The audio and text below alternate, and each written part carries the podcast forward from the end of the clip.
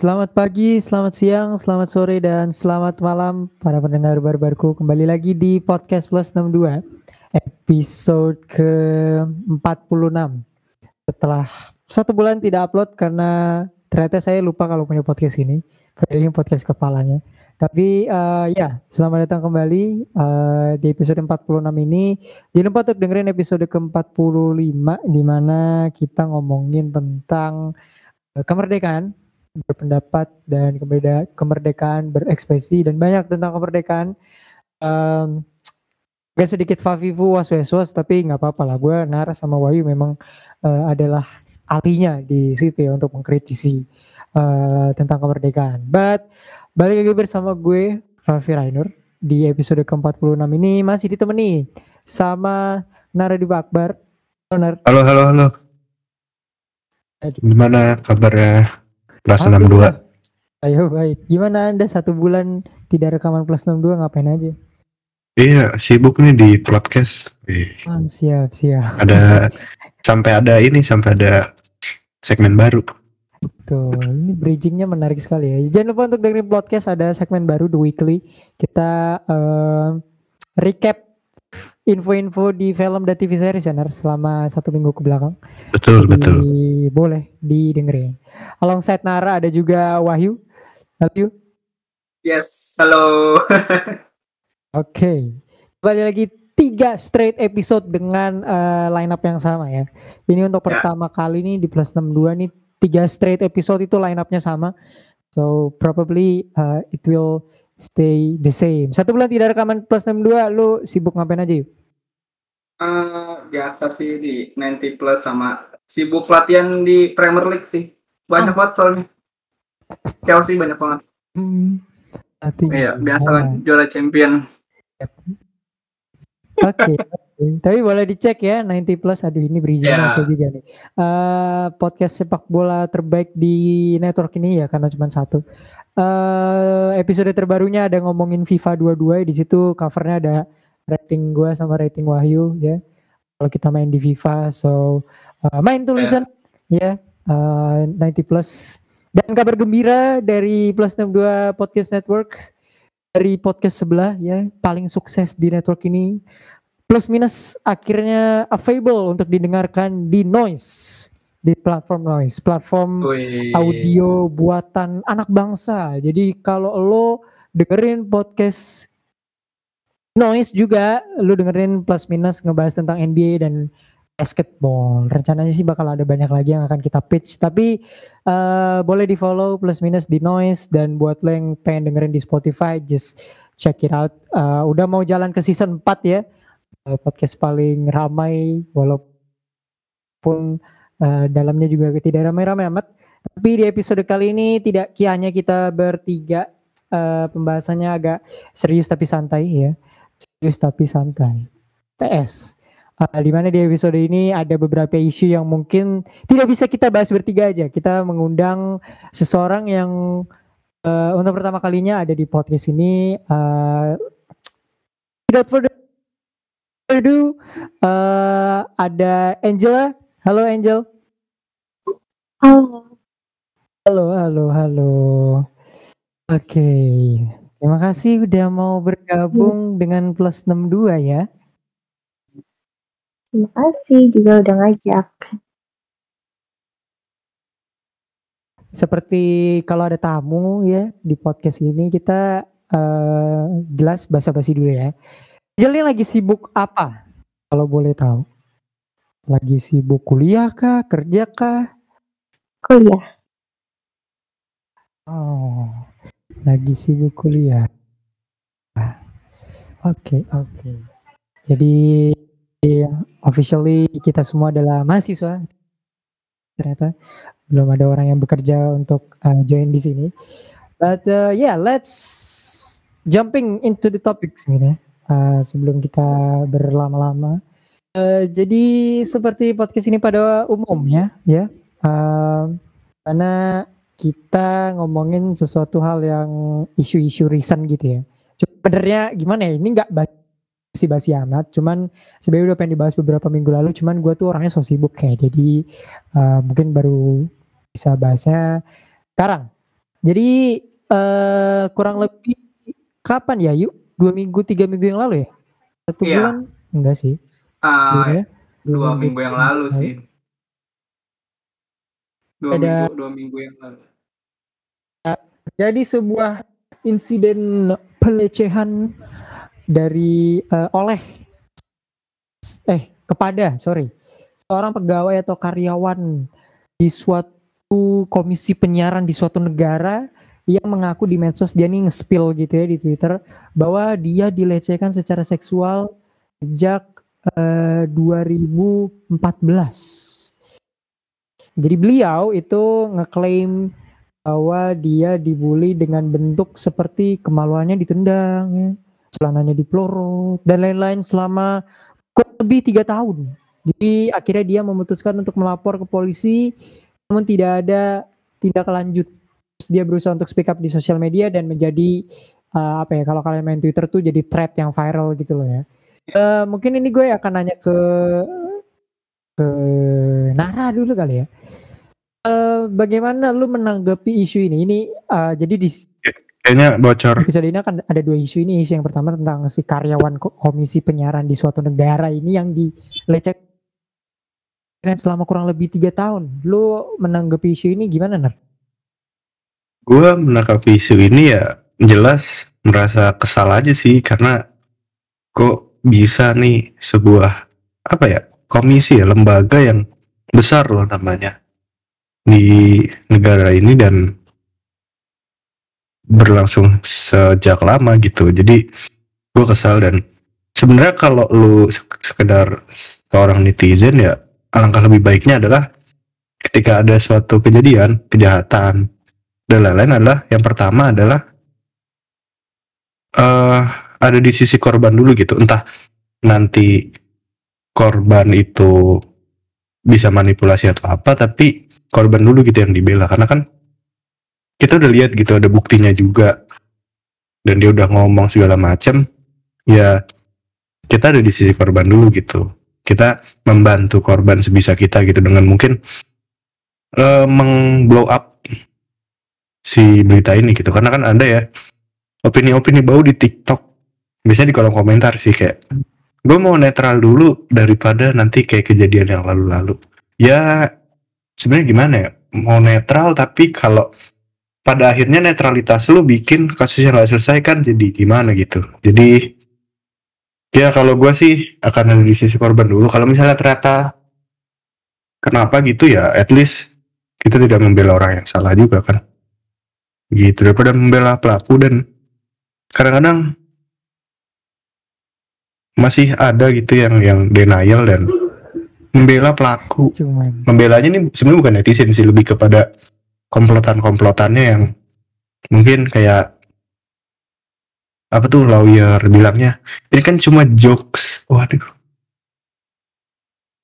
Gue gue lihat itu tuh videonya kalau nggak salah apa di berita gitu artikelnya kayak kenapa bisa begitu membela segitunya di mana rasa eh, empatinya gitu. Dan dia cukup sedih aja sih dan untungnya netizen Indonesia dan negara-negara yang ada di bumi ini cukup liar ya kalau ada masalah pembulian dan apa. Jadi langsung ke blow up gitu dengan cepat. Karena kadang-kadang kasus kalau belum ke blow up tuh susah ya kadang-kadang kayak ketutup aja gitu tiba-tiba besok pas ditanyain udah nggak ada gitu. Jadi salah satu sisi positif positif dari blow up suatu kasus adalah kadang-kadang bisa jadi cepat gitu selesai dan gue harap semoga juga cepat selesai gitu amin, amin, amin. Walaupun agak susah ya karena pas di dari penyidikan saja sudah bilang bercanda ya. Itu cuma jokes jadi agak susah untuk para pelaku sebenarnya kalau menanggapi atau uh, mengcounter isu-isu ini. Tapi kalau dari lu gimana yuk mendengar isu ini uh, surfacing di internet, lu membaca pertama kali dan mencoba untuk dig deep, uh, lu menanggapi isu ini gimana? Ya, sebenarnya ah, permasalahan kayak gini memang sering terjadi ya di, di, di kita gitu bagaimana terkadang ya konteksnya yang yang dibilang bercanda kayak gitu kan tapi seharusnya nggak nggak dijadikan nggak dijadikan bahan bercandaan gitu loh itu kan udah uh, ranahnya kan sensitif ya tentang perempuan gitu. Lagi kan ya berbeda berbeda kelamin dan segala macamnya.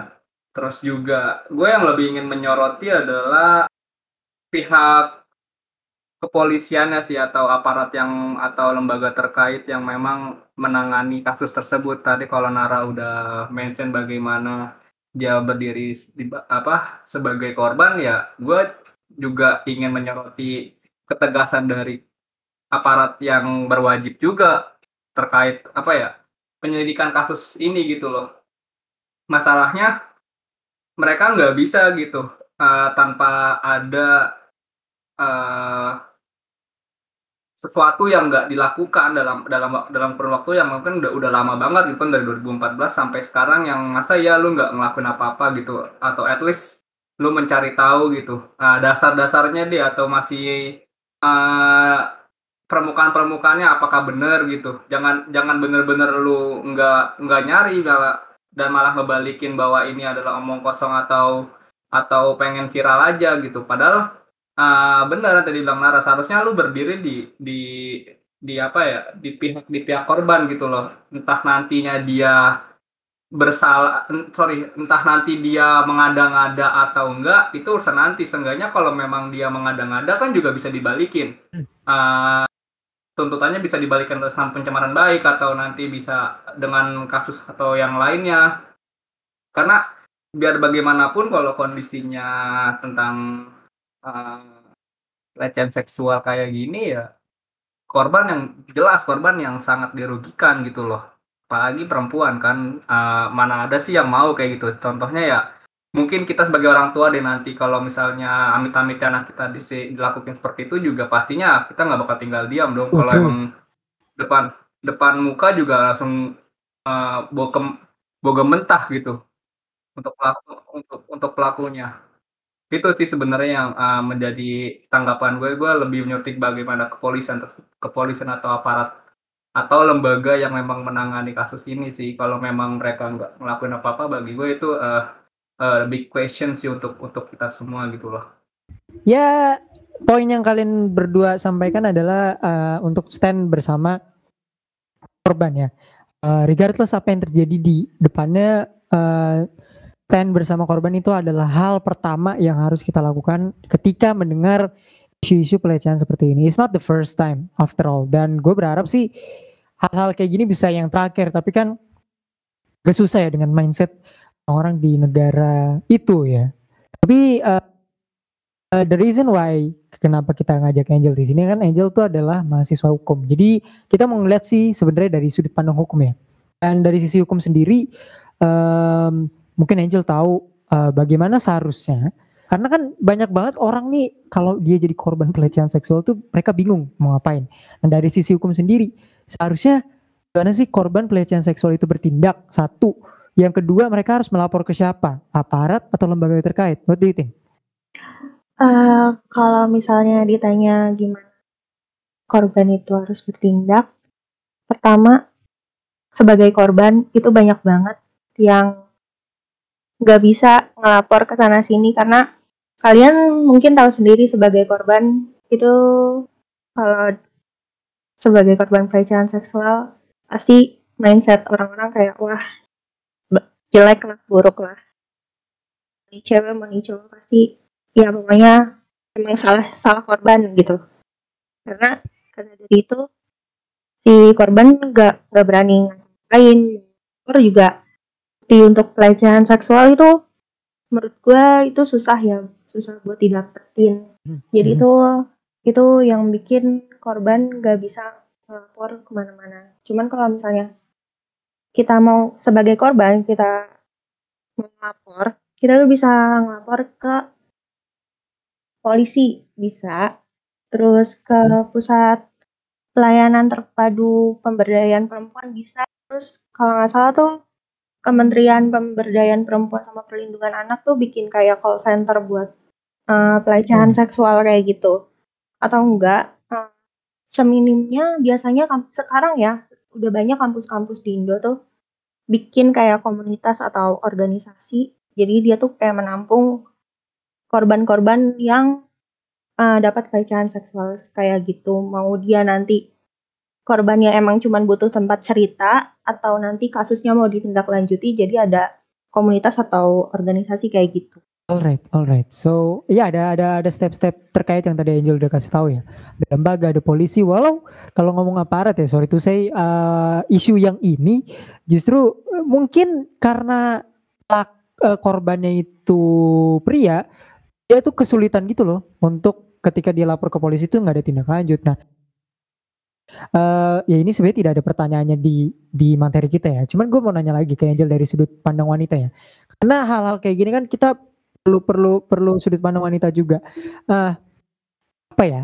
Yang harus disalahkan kan biasanya kadang orang ketika ada pelecehan seksual kan biasanya disalahin. Ini regardless korban itu pria atau wanita itu yang disalahin ada korbannya kan. Kalau wanita umumnya uh, karena menggunakan pakaian-pakaian uh, yang minim, bla bla bla bla. Pria karena dinilai tidak berani untuk melawan dan lain-lain. Nah, menurut tanggapan Angel dengan dengan klaim-klaim seperti itu tuh gimana? Kalau buat perempuan yang disalahin karena pakaiannya, ya gimana ya? Itu pemikiran-pemikiran tertutup orang-orang yang gak punya nggak punya celah buat berpikir sih. Sebagai korban, mau mau dia perempuan, mau dia ini kalau udah di bawah tekanan pasti dia nggak bakalan bisa melawan atau apa. Pikirannya pasti udah kayak kalut. Nggak bisa lah. Gue gue bingung mau ngapain gue harus apa. Gue takut mau teriak juga. Ya tertekan nggak bisa ngapa-ngapain karena udah udah ada ancaman di depannya. Basically korban ini tidak bisa melakukan hal apa pun karena memang di saat seperti itu tuh agak susah ya untuk melakukan self defense gitu ya. Apalagi dengan pelaku-pelaku yang jumlahnya banyak ya. Kayak korban yang tadi gue kasih tahu itu tuh dia dilecehin sama tiga orang rekannya gitu. Di kemaluannya ditendang soalnya dipelor dan lain-lain. Dan dan ya klaimnya adalah si korban itu tidak dibela karena itu adalah jokes. Nah ini gue pengen nanya ke Wahyu sama Nara ya. Uh, mungkin ke Wahyu dulu ya. Pelaku ini kan mengklaim bahwa hal tersebut menyalahi UIT. Ibaratnya lu ngelecehin orang ya. Terus lu disalahin lu lu playing victim nyalain balik gitu. Wah ini saya izolimi ini menyalahi UITE nama saya dicemari bla bla bla. Sehingga korban yang dilecehin justru bisa aja nih yuk. Kenanya justru dia yang kena pasal UITE dan kayak tadi Nara bilang pengacaranya pelaku itu bilang kalau insiden tersebut itu cuma jokes atau bercandaan tongkrongan saja. Jadi hal tersebut tuh hal yang lumrah yuk. Jadi kayak gak usah dibesar-besarin lah kata pengacaranya gitu. Nah menurut lu kenapa selalu kesannya korban itu yang dipojokkan? Kita sebagai masyarakat tuh gimana sih nyikapin ketika korban meminta perlindungan atau pertolongan sehingga hal-hal kayak gini tuh yang korban gak dilindungi itu bisa jadi dilindungi yuk. Iya. Uh, balik lagi sih sebenarnya kalau kayak gini kalau uh, gue kalau dalam uh, berpikir berpikir gue seharusnya pihak ketiga yang sa uh, seharusnya berperan di sini gitu loh ya. Which is uh, itu kepolisian atau atau lembaga terkait yang memang dia sebagai penengah yang memang mencari tahu kalau misalnya si pelaku berdalih itu adalah undang-undang apa pencemaran nama baik atau ITE dia udah bisa ngeklaim kalau berita itu bohong dong Padahal hmm. ya ditindak aja belum tentu gitu. Bagaimana dia bisa bilang itu UITE dan terkait lucu sih kalau bicara tadi tentang apa ya uh, pengacaranya gitu loh. Mungkin mungkin sah mungkin seharusnya anak atau keluarganya dia sendiri dulu yang kena baru dia bisa merasakan kayak gitu. Itu sih dari gue ke simpelnya. Jadi Uh, memang ya ya mungkin lagi harus emang harus anaknya sendiri mungkin dulu yang kena baru dia bisa ngomong kayak gitu biar jangan bacot lagi sih. Karena susah sih kalau kayak gitu. Uh, kita juga yang tadi dia Angel bilang juga benar terkadang korban yang jadi yang jadi uh, eh ya korban yang dipojokkan gitu. Karena pada dasarnya adalah ya peng, pengetahuan tentang sex education di Indonesia kan juga bisa dibilang nggak terlalu uh, lumrah ya masih tabu gitu. Itu yang menjadikan apa ya dasarnya kita sulit untuk mengendalikan itu semua. Pada pada pada saat kita kecil kita nggak diajarkan terkait apa itu A apa itu B gitu. Tidak kita tidak diajarkan di sekolah bahkan di orang tua kita pun terkadang masih nggak mengajarkan itu gitu. Padahal itu seharusnya perlu untuk untuk kita uh, apa ya untuk knowledge lah. Bukan untuk hal-hal yang nggak diinginkan. Untuk oh iya nanti kalau udah besar kamu nggak boleh kayak gini ya. Kalau udah besar kamu nggak nggak boleh seperti itu ya. Itu yang seharusnya memang menjadi dasarnya gitu loh. Hal-hal fundamental kayak gitu yang seharusnya dibangun sejak kecil di Indonesia. Tapi akhirnya enggak dan mungkin dampaknya ya seperti ini.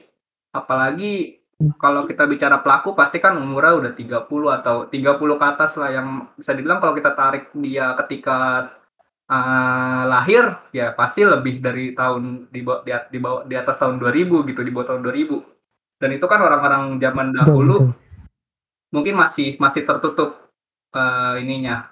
Dalam artian masih masih tabu lah hal-hal kayak gitu. Makanya juga dampaknya sekarang kayak gitu. Itu sih dari gue dan tapi juga tadi yang harus gue tekanin ya kalau tadi pengacaranya bilang kayak gitu ya harus dari sana keluarganya sendiri harus dirasakan baru dia bisa kayak gitu Hmm. Hmm. Baru dia wah seperti itu tidak bercanda ini pelecehan gitu kan. Tapi ya maksudnya gimana? Jangan sampai kasusnya ini tuh telat gitu ya. Maksudnya yeah. kan kalau anaknya misalnya kayak kayak kayak, kayak lu bilang tadi ya, anak atau sanak keluarganya dulu.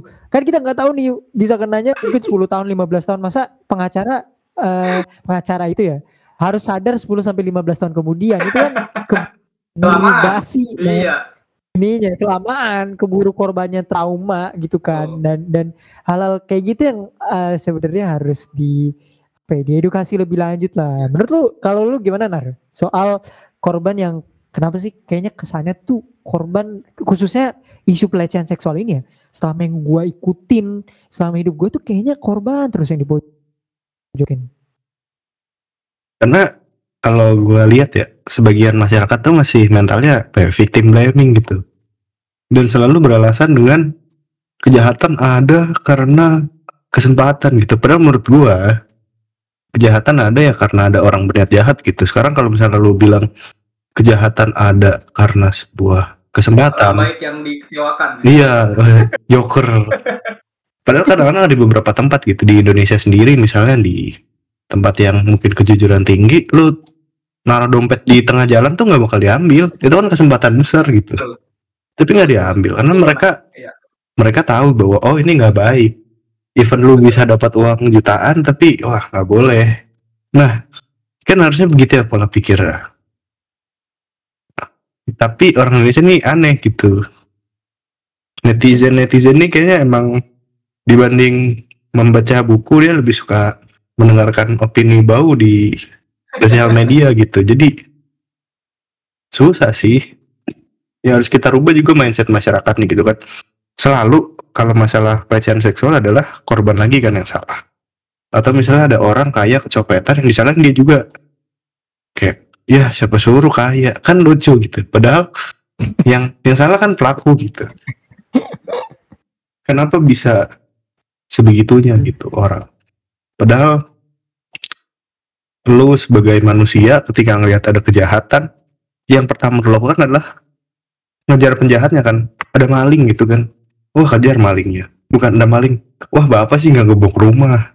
Kan lucu kan lucu gitu. Jadi kita sebagai masyarakat tuh juga harus lebih teredukasi lagi gitu. Dan jangan menyalahkan menyalahkan korban pelecehan seksual gitu. Korban apa pun lah korban korban yang namanya korban kejahatan tuh harusnya kita lindungi gitu. Kita tolong bareng-bareng bukan malah disalahin gitu. Karena kan siapa saja bisa jadi korban kan? Banyak orang ngomong makanya pakai baju tertutup. Emang kalau baju tertutup sudah pasti terlindungi dari pelecehan seksual kan enggak? Kalau lu tahu banyak eh, kasus-kasus uh, ya kalau nggak salah yang nyarinya tuh cewek-cewek yang baju tertutup. Ya kan? Gue lupa tuh ada kasusnya. Sampai ditangkap gitu banyak banget orangnya. Jadi ya enggak menghilangkan pelaku gitu. Jadi yang harus dilakukan adalah kita hanya mengeduk uh, mengedukasi diri lebih baik. Dan ya kalau ada pelaku ya langsung dibawa pelakunya gitu. Maksudnya ya dibawa ke hukum gitu. Jangan terus malah menyalahkan korban gitu. Kan banyak ya pada akhirnya korban kejahatan ini nggak berani ngomong gitu karena disalahin gitu. Padahal kan dia nggak salah gitu. Kayak misalnya deh uh, entah cewek atau cowok gitu lagi jalan di stasiun terus tiba-tiba kena pelecehan seksual gitu di apa namanya disentuh-sentuh orang gitu. Itu kan bukan salah dia. Dia lagi di situ mau kerja atau mau pulang kerja mungkin malam. Masa salah dia juga? Betul kan?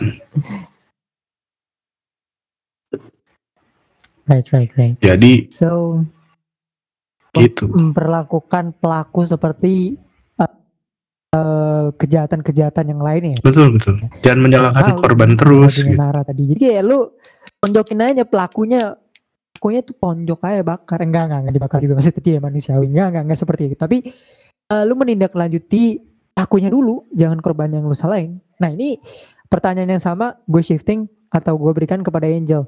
Uh, kenapa sebenarnya korban itu ter, terkesan di pojokan? That's the first question. Yang kedua ada nggak sih posibilitas kasus ini berhenti dengan sebuah plot twist ya uh, justru korban yang kena UITE bukan pelakunya yang kena uh, kasus pelecehan seksual? Kalau korban selalu dipojokkan kayaknya udah dijawab ya karena apa-apa pasti uh, lihat dari korbannya dulu korbannya pakai apa korbannya ngapain kan? Ya benar yang tadi Nara bilang kalau dompet di jalan kalau orangnya baik ya ya nggak bakal diambil. Kalau niat ya hmm. diambil. Semua juga berdasarkan niat seseorang kan? Kayak gimana? Di kasus ini tuh dia nggak bisa dijerat pakai lagi di suatu tempat nih contohnya. Terus di sebelah lu ada orang. Orang lu uh, orangnya itu ngambil HP hmm. HP yang lu lagi pakai terus lu refleks dong lu teriak maling gitu. Hmm. terus emang bisa orang-orang lain kayak uh, nyebut lu kayak pencemaran nama baik lo nyebut dia maling. Kan nggak bisa kayak gitu. Ya kan? Terus kalau misalnya hmm. nih yep. contohnya. Terus tiba-tiba si maling refleks gara-gara lu teriak maling malingnya refleks ngelempar HP-nya ke lu. Terus dia langsung bilang malingnya enggak gue bukan maling gue bukan maling gitu. Terus kan itu juga nggak bisa nggak bisa. Orang-orang di sekitar tuh kayak nggak bisa. Wah iya lu pencemaran nama baik lu bilang dia maling. Kan harus dilihat dong kayak misalnya ada CCTV atau apa ujung-ujungnya apa? Ujung-ujungnya bukti ujung-ujungnya harus diselidiki. Sama kayak kasus ini. Harus diselidiki dulu harus dicari dulu barang buktinya nggak bisa langsung tiba-tiba bilang wah korbannya uh, pencemaran nama baik si pelaku nih nggak bisa nih kayak gini. Kan nggak bisa kayak gitu.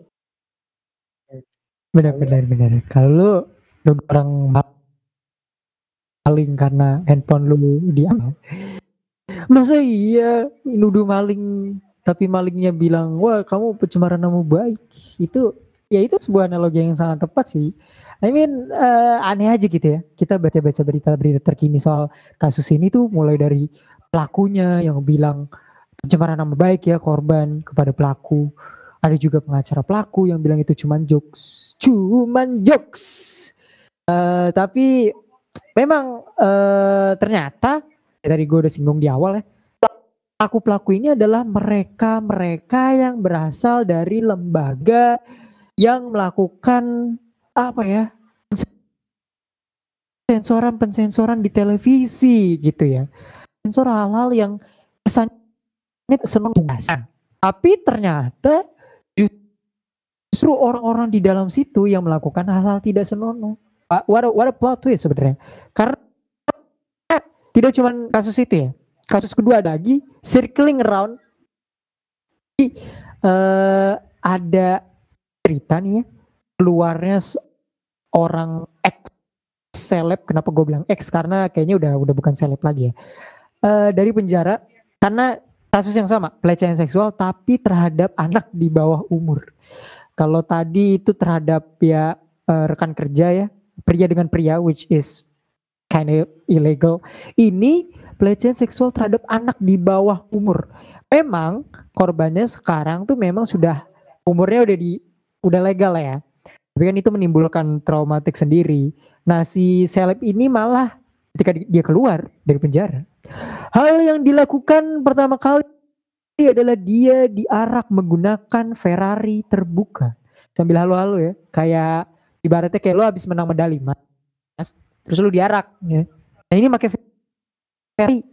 Ferrari cabriolet terbuka tuh nggak ada nggak ada atapnya mengikut cabriolet challenge setelah ini. Dia keluar dari penjara tuh diarak seperti pemenang juara dunia sepak bola gitu ya.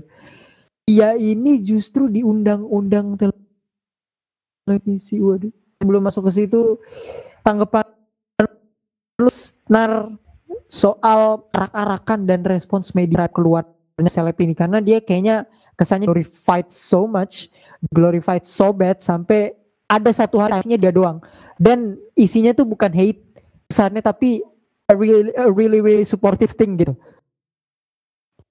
Ya ini sebenarnya cukup menyedihkan tapi di satu sisi juga menyebalkan gitu di mana dan itu tuh kalau nggak salah timelinenya nggak beda jauh sama uh, Paralimpik kita menang ya dapat medali. Dan lucunya kenapa yang jarak ini man X. Ya, gue bisa bilang X pelaku kejahatan lah ya atau masih pelaku kejahatan lah gue nggak tahu. Tapi kenapa harus diarak sebegitunya gitu? Dan yang lucunya lagi adalah ya misalnya misal dia udah bertobat minta maaf dari segala macam ya kan tidak perlu diarak gitu. Kenapa masyarakat kita tuh aneh? Dan sebenarnya ini agak out of topic dikit sih. Ini juga terjadi di lingkungan mahasiswa di mana waktu gue pernah nemu kasus ada mahasiswa melakukan pelecehan seksual. Terus tahu nggak komentar-komentarnya apa di kolom komentar sosmednya? Dari satu apa ya istilahnya komunitas sendiri semangat bang. Badai pasti berlalu. Hehehe. Badai pala kau. Padahal itu kan ya salah dia gitu. Kita seharusnya sebagai masyarakat ya tidak perlulah kayak lu arak lu sambut gitu. Dia bukan habis pulang berjuang mendapatkan medali atau habis pulang perang gitu. Dia kalau di penjara habis kena kasus gitu. Kenapa di sambut sebegitunya gitu. Dan juga uh,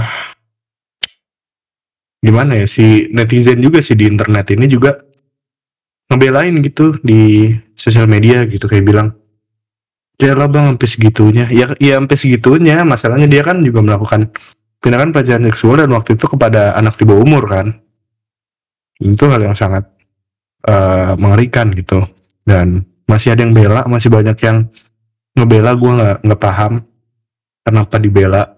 Dan kenapa juga harus diarak gue juga nggak ngerti sama masyarakat ini. Dan lucunya adalah habis itu biasanya kalau ada mantan kriminal kalau di beberapa negara tuh di ya di cancel lah istilahnya lu nggak nggak diundang lagi di TV ini kayak lo nggak salah habis dari kena kasus dia langsung ini kan langsung dapat undangan gitu main di TV gitu di suatu acara gitulah gue gue lupa. Tapi ada gitu dan kenapa gitu dengan televisi Indonesia gitu kok bisa? Tapi ternyata ya lu tahu sendiri kan ternyata juga ada masalah gitu. Jadi ya apa ya bahasanya disappointed but not surprised gitu. Kayak ya udah nggak kaget sih sama kelakuan orang-orang ini. Cuman gue harap ayolah kita ada perubahan gitu. Jangan jangan lu terus membela pelaku gitu. Dan kalau misalnya keluar dari penjara even dia artis favorit lu ya nggak usah diarak gitu. Kayak ya udah oh udah keluar dari penjara ya udah selesai gitu. Kenapa harus diarak yang menurut gue tuh tidak logis sekali ya. Dan kocaknya adalah misalnya ini uh, ada artis gitu misalnya ada kasus ciuman sama artis lain atau ada kasus pacaran atau selingkuhan di cancel. Nah, ini orang habis berbuat kejahatan keluar dari penjara disambut kan lucu. Jadi gua gua ngerti aja sama kalau pikir masyarakat yang menurut gua harus dibenerin juga gitu dan mostly yang ngebela ini juga fanatik-fanatiknya juga serem-serem gitu. Kayak lu pasti ngerti lah kalau lihat di sosial media ada orang membela. Terus kita bantah gitu kan. Seharusnya nggak begini bang. Wah itu lu di reply seribu orang gitu. Waduh, jadi banyak sekali pengikutnya. iya jadi ayolah masyarakat diperbaiki pola pikirnya. Dan seharusnya lembaga juga punya kekuatan untuk tidak lagi memberikan apa ya job gitu. Nggak harus yang lu pukulin di jalan tuh enggak jangan gitu. Lu juga sama kriminal gitu. Yang penting ya janganlah lu arak-arak lu undang lagi ke TV bikin acara. Jadinya kan jahat juga gitu. Gimana korban gitu lagi di rumah? Terus ngelihat nih orang kok bisa ada di TV gitu. Iya. jadi menyedihkan aja sih menurut gua Pathetic. Kalau dari lu yuk gi- gimana yuk? Lu ngelihat arak-arakan terbesar sejak timnas menjuarai em, AFF 2000 kalau nggak saya under 19 ini diarak-arak pakai Ferrari terbuka. Lu ketika melihat berita ini di handphone lu reaksi lu gimana men? Ya, em, ke gue ya. Yes, yes. Ya. Sebenarnya gue lebih lebih lebih lucu sih gitu apa eh, lucunya kok apa ya? Kok bisa gitu loh diarak-arak? Kayak kayak justru jadi timbul pertanyaan aja. Gue lebih lebih ngetawain dalam hal dalam dalam artian sarkas gitu ya. Kok orang orang kayak gini masih masih masih masih bisa gitu dapat dapat tempat di di publik lah istilahnya karena apa ya mungkin ini sih yang menjadi alasan kuat juga semakin membuat semakin menunjukkan alasan kuat di Indonesia bahwa standar ganda itu ada gitu. Karena uh, background dia di masa lalu kan juga istilahnya dicintai kan ya. Uh, dalam artian banyak yang suka gitu dengan dengan dengan kepribadian atau enggak enggak ke, kepribadiannya udah ketahuan tuh dia. Ah, ini uh, gelagatnya gitu gelagatnya yang Yes. humanis gitu gelagatnya yang so- santun sopan. Tapi memang terkadang orang-orang yang seperti itu ternyata di belakang busuk gitu. Sudah banyak sekali gitu. Justru ini sih orang orang-orang kita eh, tertipunya di situ bah eh, istilahnya. Dan yang tadi mau disambungin sama Nara juga yaitu eh, lu harus belajar juga terkait terkait kepribadian orang nggak semer nggak semua muanya yang kelihatan baik di depan ternyata juga baik di belakang kan? Siapa yang sangka dulu dia bisa berbuat seperti itu gitu loh? Padahal yang tadi gue bilang dahulunya dia santun humanis sopan tapi ternyata juga ya tidak terpuji lah.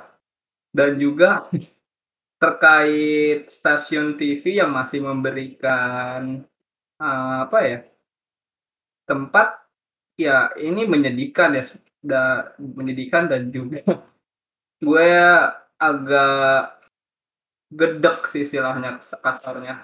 Kayak lu kenapa masih dikasih tempat? gitu. Masih dikasih masih dikasih ruang untuk untuk bisa bertemu eh, via kamera lah istilahnya lu nggak lu nggak memikirkan perasaan korban ke yang disampaikan sama Nara terus juga lu nggak memikirkan apa ya nilai-nilai sosial yang ada gitu loh. Karena kan juga kasus kayak gini seharusnya ya nggak pandang dulu lah. Even lu seorang public figure terkenal kayak kayak dia dan juga mempunyai masa lalu yang baik ketika lu salah ya lu harus harus harus memperbaiki gitu. Lu muasabah seharusnya. Bukan berarti lu bisa seenak-enak keluar gitu. Mungkin hmm, kesannya nggak men mendiskriminis mendiskriminasikan pelaku juga tetapi seharusnya juga dia sadar gitu loh tapi ternyata tidak. Dan kita juga seharusnya apa ya uh, nggak mengasih ruang lah istilahnya gitu loh nggak. Tapi malah oke lah memberi support memberi support tapi bukan dalam artian dipublik dipublikasikan di televisi di di semua lini masa gitu loh. Itu seakan-akan kan juga kembali lagi nggak nggak apa ya nggak melihat kondisi korban gitu ya, ketika pertama kali dulu kena, terus ketika masa-masa pemulihan atau bahkan belum belum sepenuhnya pulih dari masa trauma traumanya dan sekarang melihat lagi apa kayak kayak nanti mereka dia juga jadi gagal move on lagi gitu loh. Kayak gara-gara ngeliat ini pelaku jadi jadi kesel lagi jadi sedih lagi gitu loh. Itu sih sebenarnya. Dan jujur ya dari awal juga saya tidak suka dengan itu sih sebenarnya.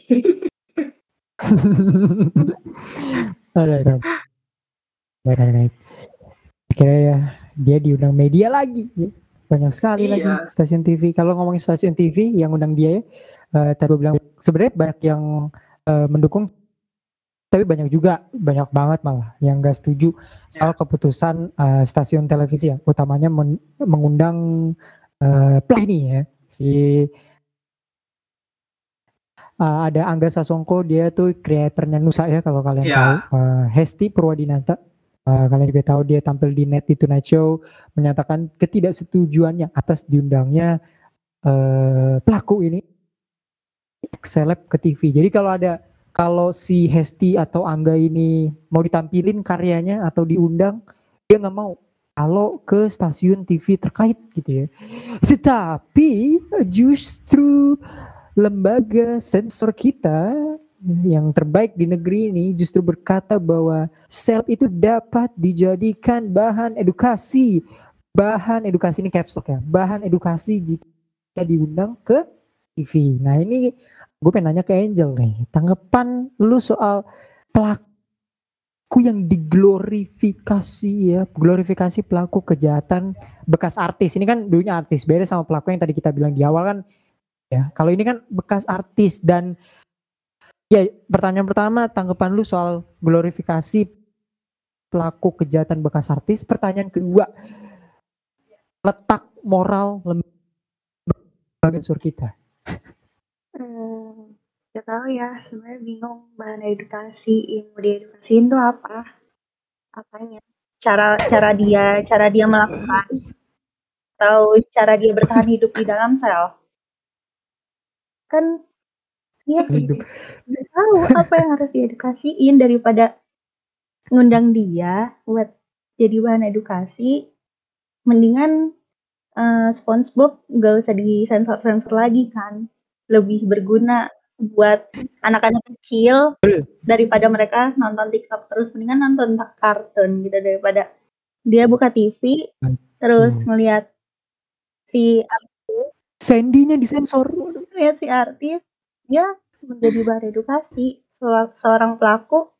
Walaupun dia dijadiin bahan edukasi dia dijadikan ya bisa dibilang dijelek-jelekan sebenarnya bukan dijadiin edukasi yang baik-baiknya. Ya tapi mana mungkin kan si TV ini menjelek-jelekan si artis ini. Yang ada ntar balik lagi ke pencemaran yang baik ya. Terus eh moral moral lembaga ini gak tahu bingung. Kayaknya kalau ada di bawah nol ya di bawah nol deh nol tuh masih kebagusan gitu kayaknya Terlalu bagus betul betul. Oke, minus parah ya. Maksudnya, lo kan lembaga penyensor yang mengedepankan moral kan. Maksudnya lu sensor Shizuka make baju renang kan berarti lu pengennya anak-anak kecil kan tidak terangsang melihat Shizuka, I mean Shizuka man, from Doraemon gitu ya. Pakai baju renang terus lu sensor gitu ya. Berarti kan lu memikirkan moral anak kecil. Memikirkan moral korban pelecehan seksual. Nah ini dia sempat diundang ke podcast terbaik salam semesta ya, eh, close the door. Ketika ditanya, eh sebenarnya sensor kartun tuh kenapa sih gitu? Dia bilang loh, saya tidak menyuruh menyensor kartun. Jadi ibaratnya lu ketuanya nih, lo yang punya lembaga ini. Terus anak buah lu melakukan suatu hal, terus lu nggak tahu gitu. Kalau anak buah lu melakukan suatu hal selama tahun-tahun dia nggak tahu tuh nggak tahu kenapa bisa disensor tuh. Menurut lu yuk eh, menanggapi orang-orang di belakang lembaga ini, menurut lu harus ada some kind of revolusi gak sih in the in the way bagaimana orang-orang melihat uh, bagaimana um, in a way bagaimana orang-orang melihat sebenarnya moral itu harus diperbaiki gitu. Ada harus ada revolusi gak sih terkait hal-hal kayak gini? Orang-orang di dalam di dalam lembaga-lembaga itu? Ya harus lah kalau ditanya apakah ada revolusi harus gitu. Bahkan secepatnya kalau bisa besok pagi gitu udah diganti semua orang-orangnya. Karena udah sebelum ke lima tahun ke belakang ini makin apa ya lembaga ini makin lama makin bobrok gitu ya. Sorry to say gitu. Dalam artian ya kebijakan eh, kebijakan-kebijakan dan juga apa istilahnya peraturan-peraturannya makin lama makin makin gak jelas gitu. Tadi juga contoh-contoh kartu udah dijelas udah disebutin terus juga terkait penyensoran juga segala macamnya makin makin hal-hal yang nyeleneh gitu istilahnya. Kayak uh, bahkan ranah-ranah yang sifatnya kita premium seperti Netflix atau uh, YouTube yang memang di luar ranah mereka mereka ikut campur gitu loh Kayak Dan ngapain? Ngapain saat, lu ikut campur Netflix iya, gitu? gitu. Kalau masalahnya enggak, kalau memang lu nggak bisa beli Netflix, gua bayarin gitu kok daripada lu harus di, di sensor. Lu nggak mampu beli Netflix gitu. Jadi lu iri dengan orang-orang yang nonton Netflix. Ya gua bayarin gitu gua. Semakin digital sekarang malah semakin dipersempit gitu loh. Ta uh, apa ya? Istilahnya tempat mengekspresikan kita gitu loh. Dan itu tadi kayak misalnya hal-hal yang sifatnya premium yang seharusnya nggak usah di ya kita bayar justru untuk untuk mendapatkan apa yang kita pengen secara full gitu loh bukan malah tetap tetap dibatasi oleh mereka itu. Itu sih sebenarnya dua dua atau tiga hal yang menurut gue uh, bener-bener nggak make sense gitu loh. Dan iyalah harus ada revolusi dan ya gue bilang besok pagi kalau bisa malah langsung. Karena gue udah bener-bener gue kalau sekalinya emang udah nggak respect jangankan untuk nyapa gitu loh. Untuk untuk ngeliat aja udah males Ray. Justru gue kayak gitu gue udah diemin aja. Biar biar apa ya soalnya biar ya udahlah. Tadi juga lama-lama juga mati juga orang-orang kayak gitu. Gue nggak habis pikir ya dari Corbusier tuh kuat gitu ya bikin podcast sama yang punya lembaga ini. Maksudnya gue ya kalau ngundang beliau ya itu langsung gue jebak gitu loh. Gue taruh di yeah. berangkas gitu. Enggak tapi jahat banget sih. Tapi memang menye menyeleneh gitu ya. Lu sebagai yang punya atau headnya sebuah ketua dari lembaga sensor tapi kayak orang linglung gitu loh. I'm not saying that dia itu quote on quote goblok ya. Maksudnya um, dia kayak kayak nggak ngerti apa apa gitu di you know what I mean? Jadi uh, I don't know mungkin dia educated mungkin. Tapi di podcast itu dan setelah itu kan dia langsung ngebalesin komen-komen di Instagram dia ya. Maksudnya lu emang gak ada kerjaan gitu ya ngebalesin komen-komen di situ. Tapi ini kenapa ya. Ada beberapa pihak-pihak yang gue lihat uh, pengen nge-cancel komisi ini gitu. Eh sorry pengen nge-cancel lembaga penyiaran. Ada juga orang yang bilang kalau nggak ada lembaga penyiaran anak-anak konsumsinya jadi kebe kelewatan, kebablasan. Nah, menurut lu uh, how to tackle this way gitu? Ada dua perspektif. Menurut lu mana yang harus dilakukan gitu? Kalau misalnya lu bisa melakukannya ya, karena kan lembaga ini makin ke sini makin banyak tingkahnya ya. Ada lembaga lain yang punya banyak tingkahnya juga, cuman kayaknya ini yang banyak banyak tingkahnya itu ini gitu.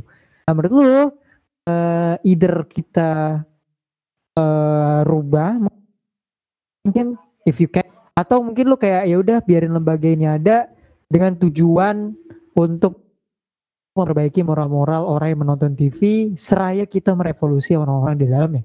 Which part do you choose? Uh, kalau gua kalau dibubarin sebenarnya gua agak sedikit kurang setuju. Gue lebih setuju untuk dirombak sih karena kalau dibubarin uh, kadang-kadang sebenarnya kalau dijalankan dengan tujuan yang benar lembaga ini tuh ada ada fungsinya gitu. Kayak gua kadang suka ingat cerita cerita entah dari orang tua kita dari guru-guru kita bahwa di zaman dulu tuh beberapa tayangan yang menurut gua dan juga orang-orang yang sudah berumur itu disturbing bisa ditayangkan di TV gitu. Kayak TV itu kan bukan kayak Netflix yang bisa lu atur Netflix for Kids dan lain-lain ya. Menurut gue tetap ada fungsinya gitu sebagai penegur gitu. Kan kan kalau dijalankan dengan baik pasti adalah karena cara-cara nyeleneh di TV gitu. Misalnya jatuhnya pembulian apa bisa ditegur gitu. Kalau dijalankan dengan baik gitu. Jadi menurut gue daripada dibubarkan ya emang lebih sulit. Tapi nanti efek jangka panjangnya akan lebih baik gitu. Lebih baik dirombak gitu. Kayak misalnya eh, ada suatu lembaga di sebuah negara Mhm.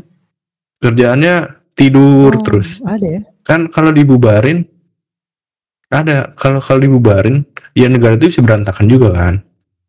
Maka bukannya dibubarkan tapi dirombak gitu. Orang-orang di dalamnya tuh diganti diganti. Eh, dan itu bekerja di beberapa kayak misalnya perusahaan swasta atau di negara-negara di luar sana gitu di mana misalnya bos-bosnya nggak jelas gitu cuma datang main zuma pulang Eh, tugasnya dikasih ke anak buah Hmm. nah itu kalau dirombak perusahaannya nggak perlu dibubarin kan Hmm.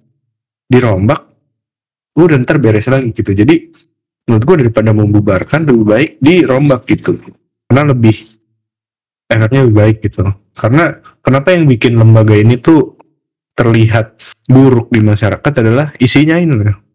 Orang-orang di dalamnya ini yang gue nggak tahu ini ultra konservatif apa gimana tapi jadinya berlebihan gitu. Zaman dulu orang ngelihat misalnya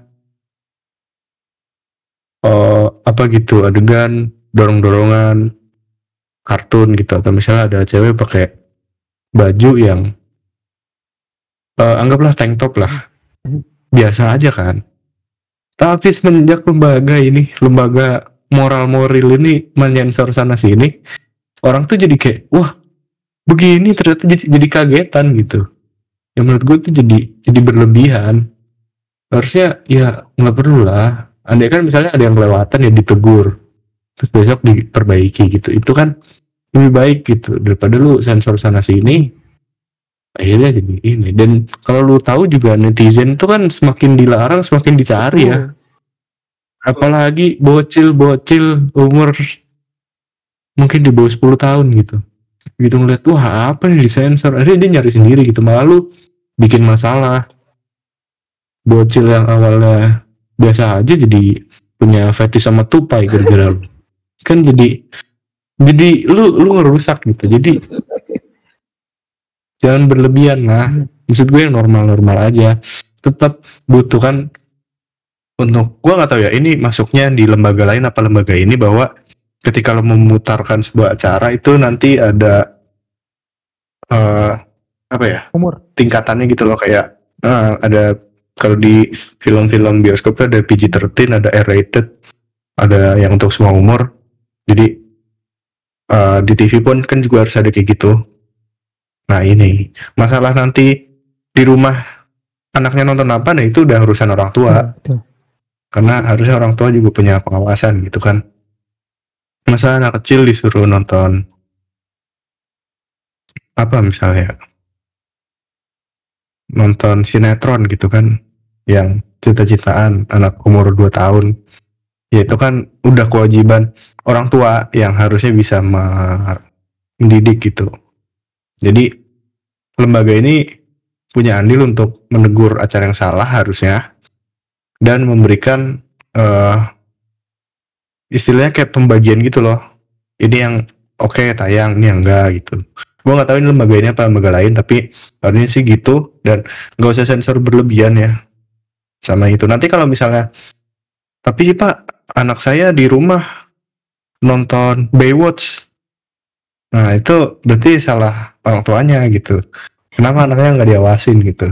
Dan gue yakin eh, film-film yang memang tidak untuk anak-anak biasanya akan di setel di jam-jam malam gitu kan. 11 malam jam 12 malam. Di TV luar negeri pun juga setahu gue kayak gitu. Jadi kalau sampai anak menonton ya itu udah itu udah salah orang tuanya gitu.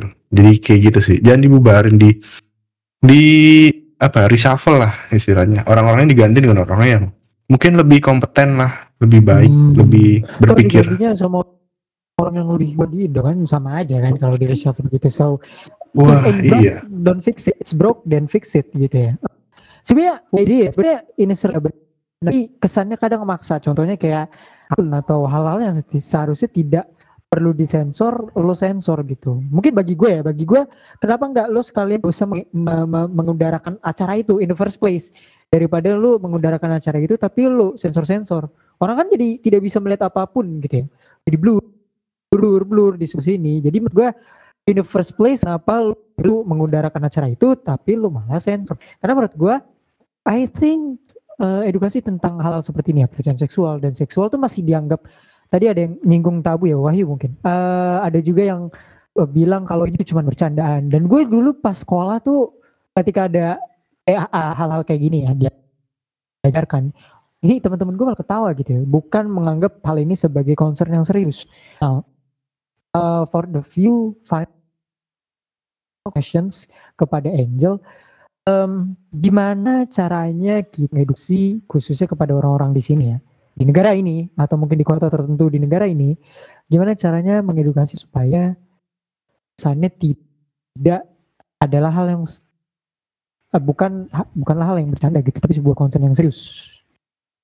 Karena sekarang semua serba digital mungkin seharusnya ya ada beberapa yang emang mungkin lembaga-lembaga kayak gitu emang harusnya daripada acara-acara apa ya yang di Trans TV itu kalau yang siang-siang atau sore-sore itu kan lebih mungkin lebih kayak dangdut kayak gitu kan ya ditonton anak-anak juga jadinya mereka lebih tahu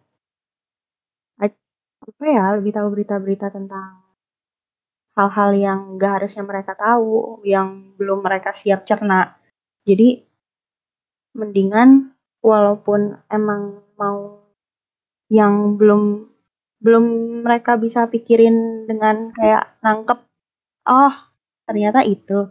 Mendingan tuh kasih acara-acara yang edukasi bisa dengan kayak Nusarara Nusarara kan kartun tapi dia kan mengedukasi. Hmm.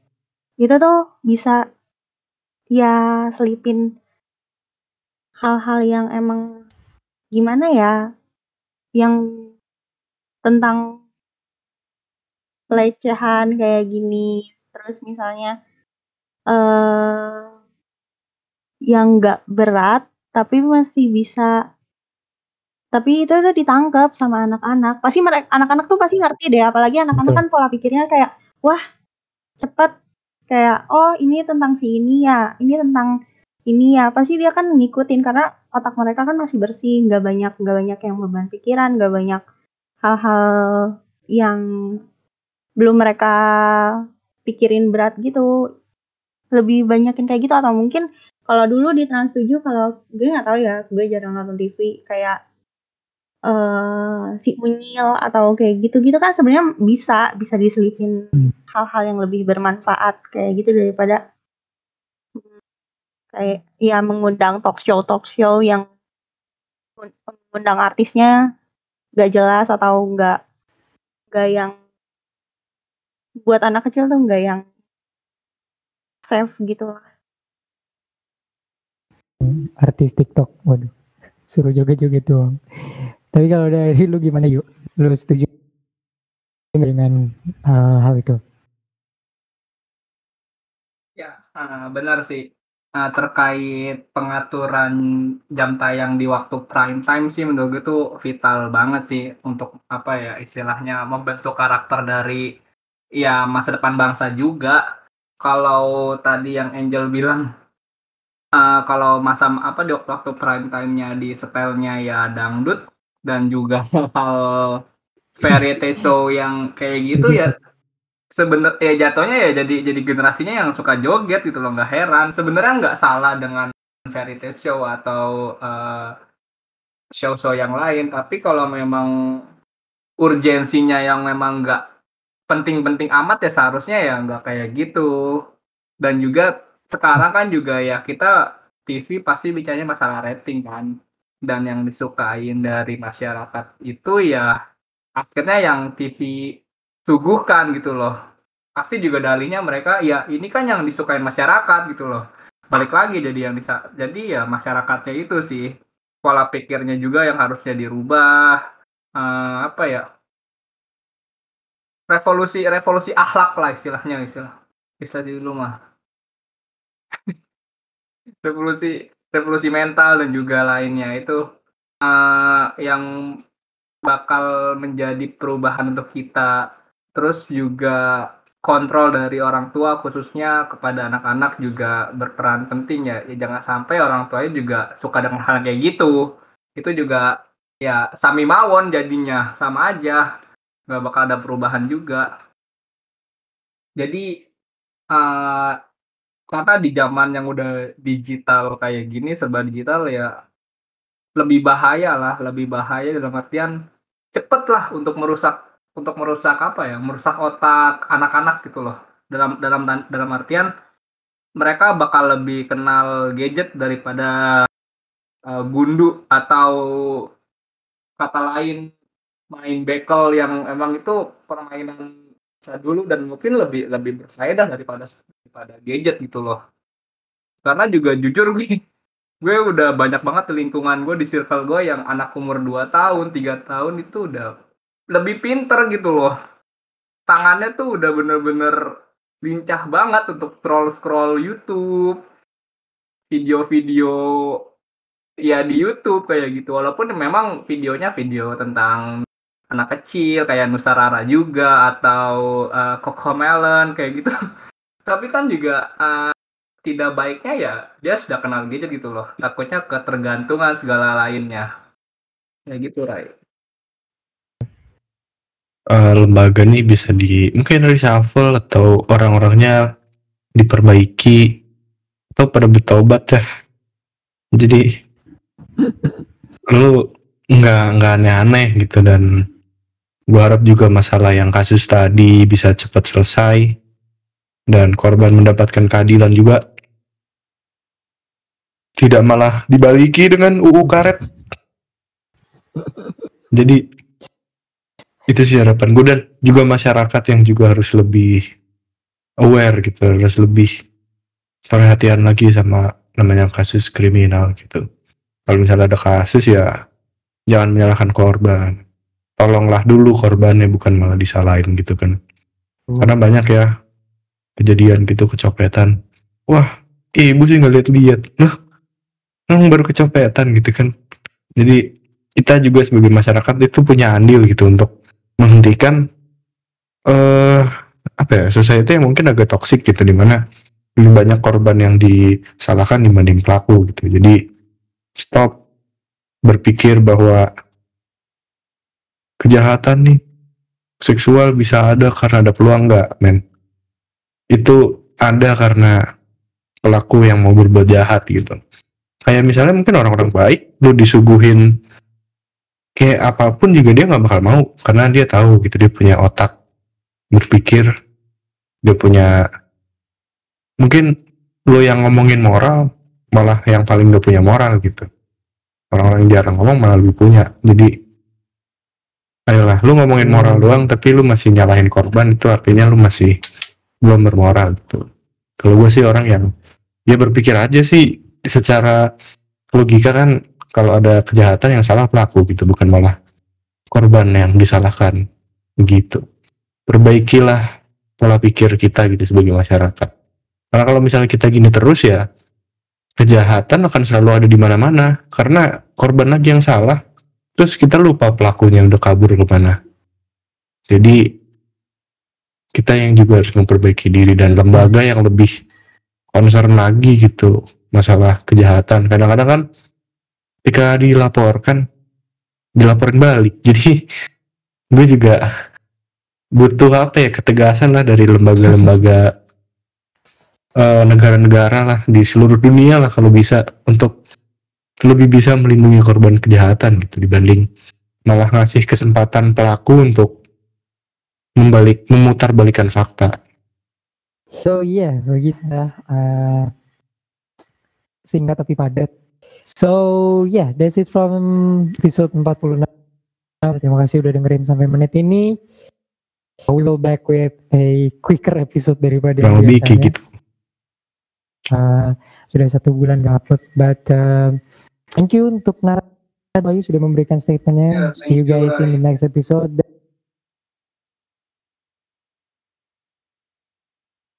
We'll see you in next episode. Yeah, thank you for Angel for coming memberikan standpoint dari wanita. Uh, probably ini bukan yang terakhir datang ke Plus 62 and gue Ref Rainer. Uh, see you guys dan follow our Instagram di @plus62id to know anything about the updates di podcast podcast di Plus 62 Podcast Network. We'll see you guys in the next episode. Cheers.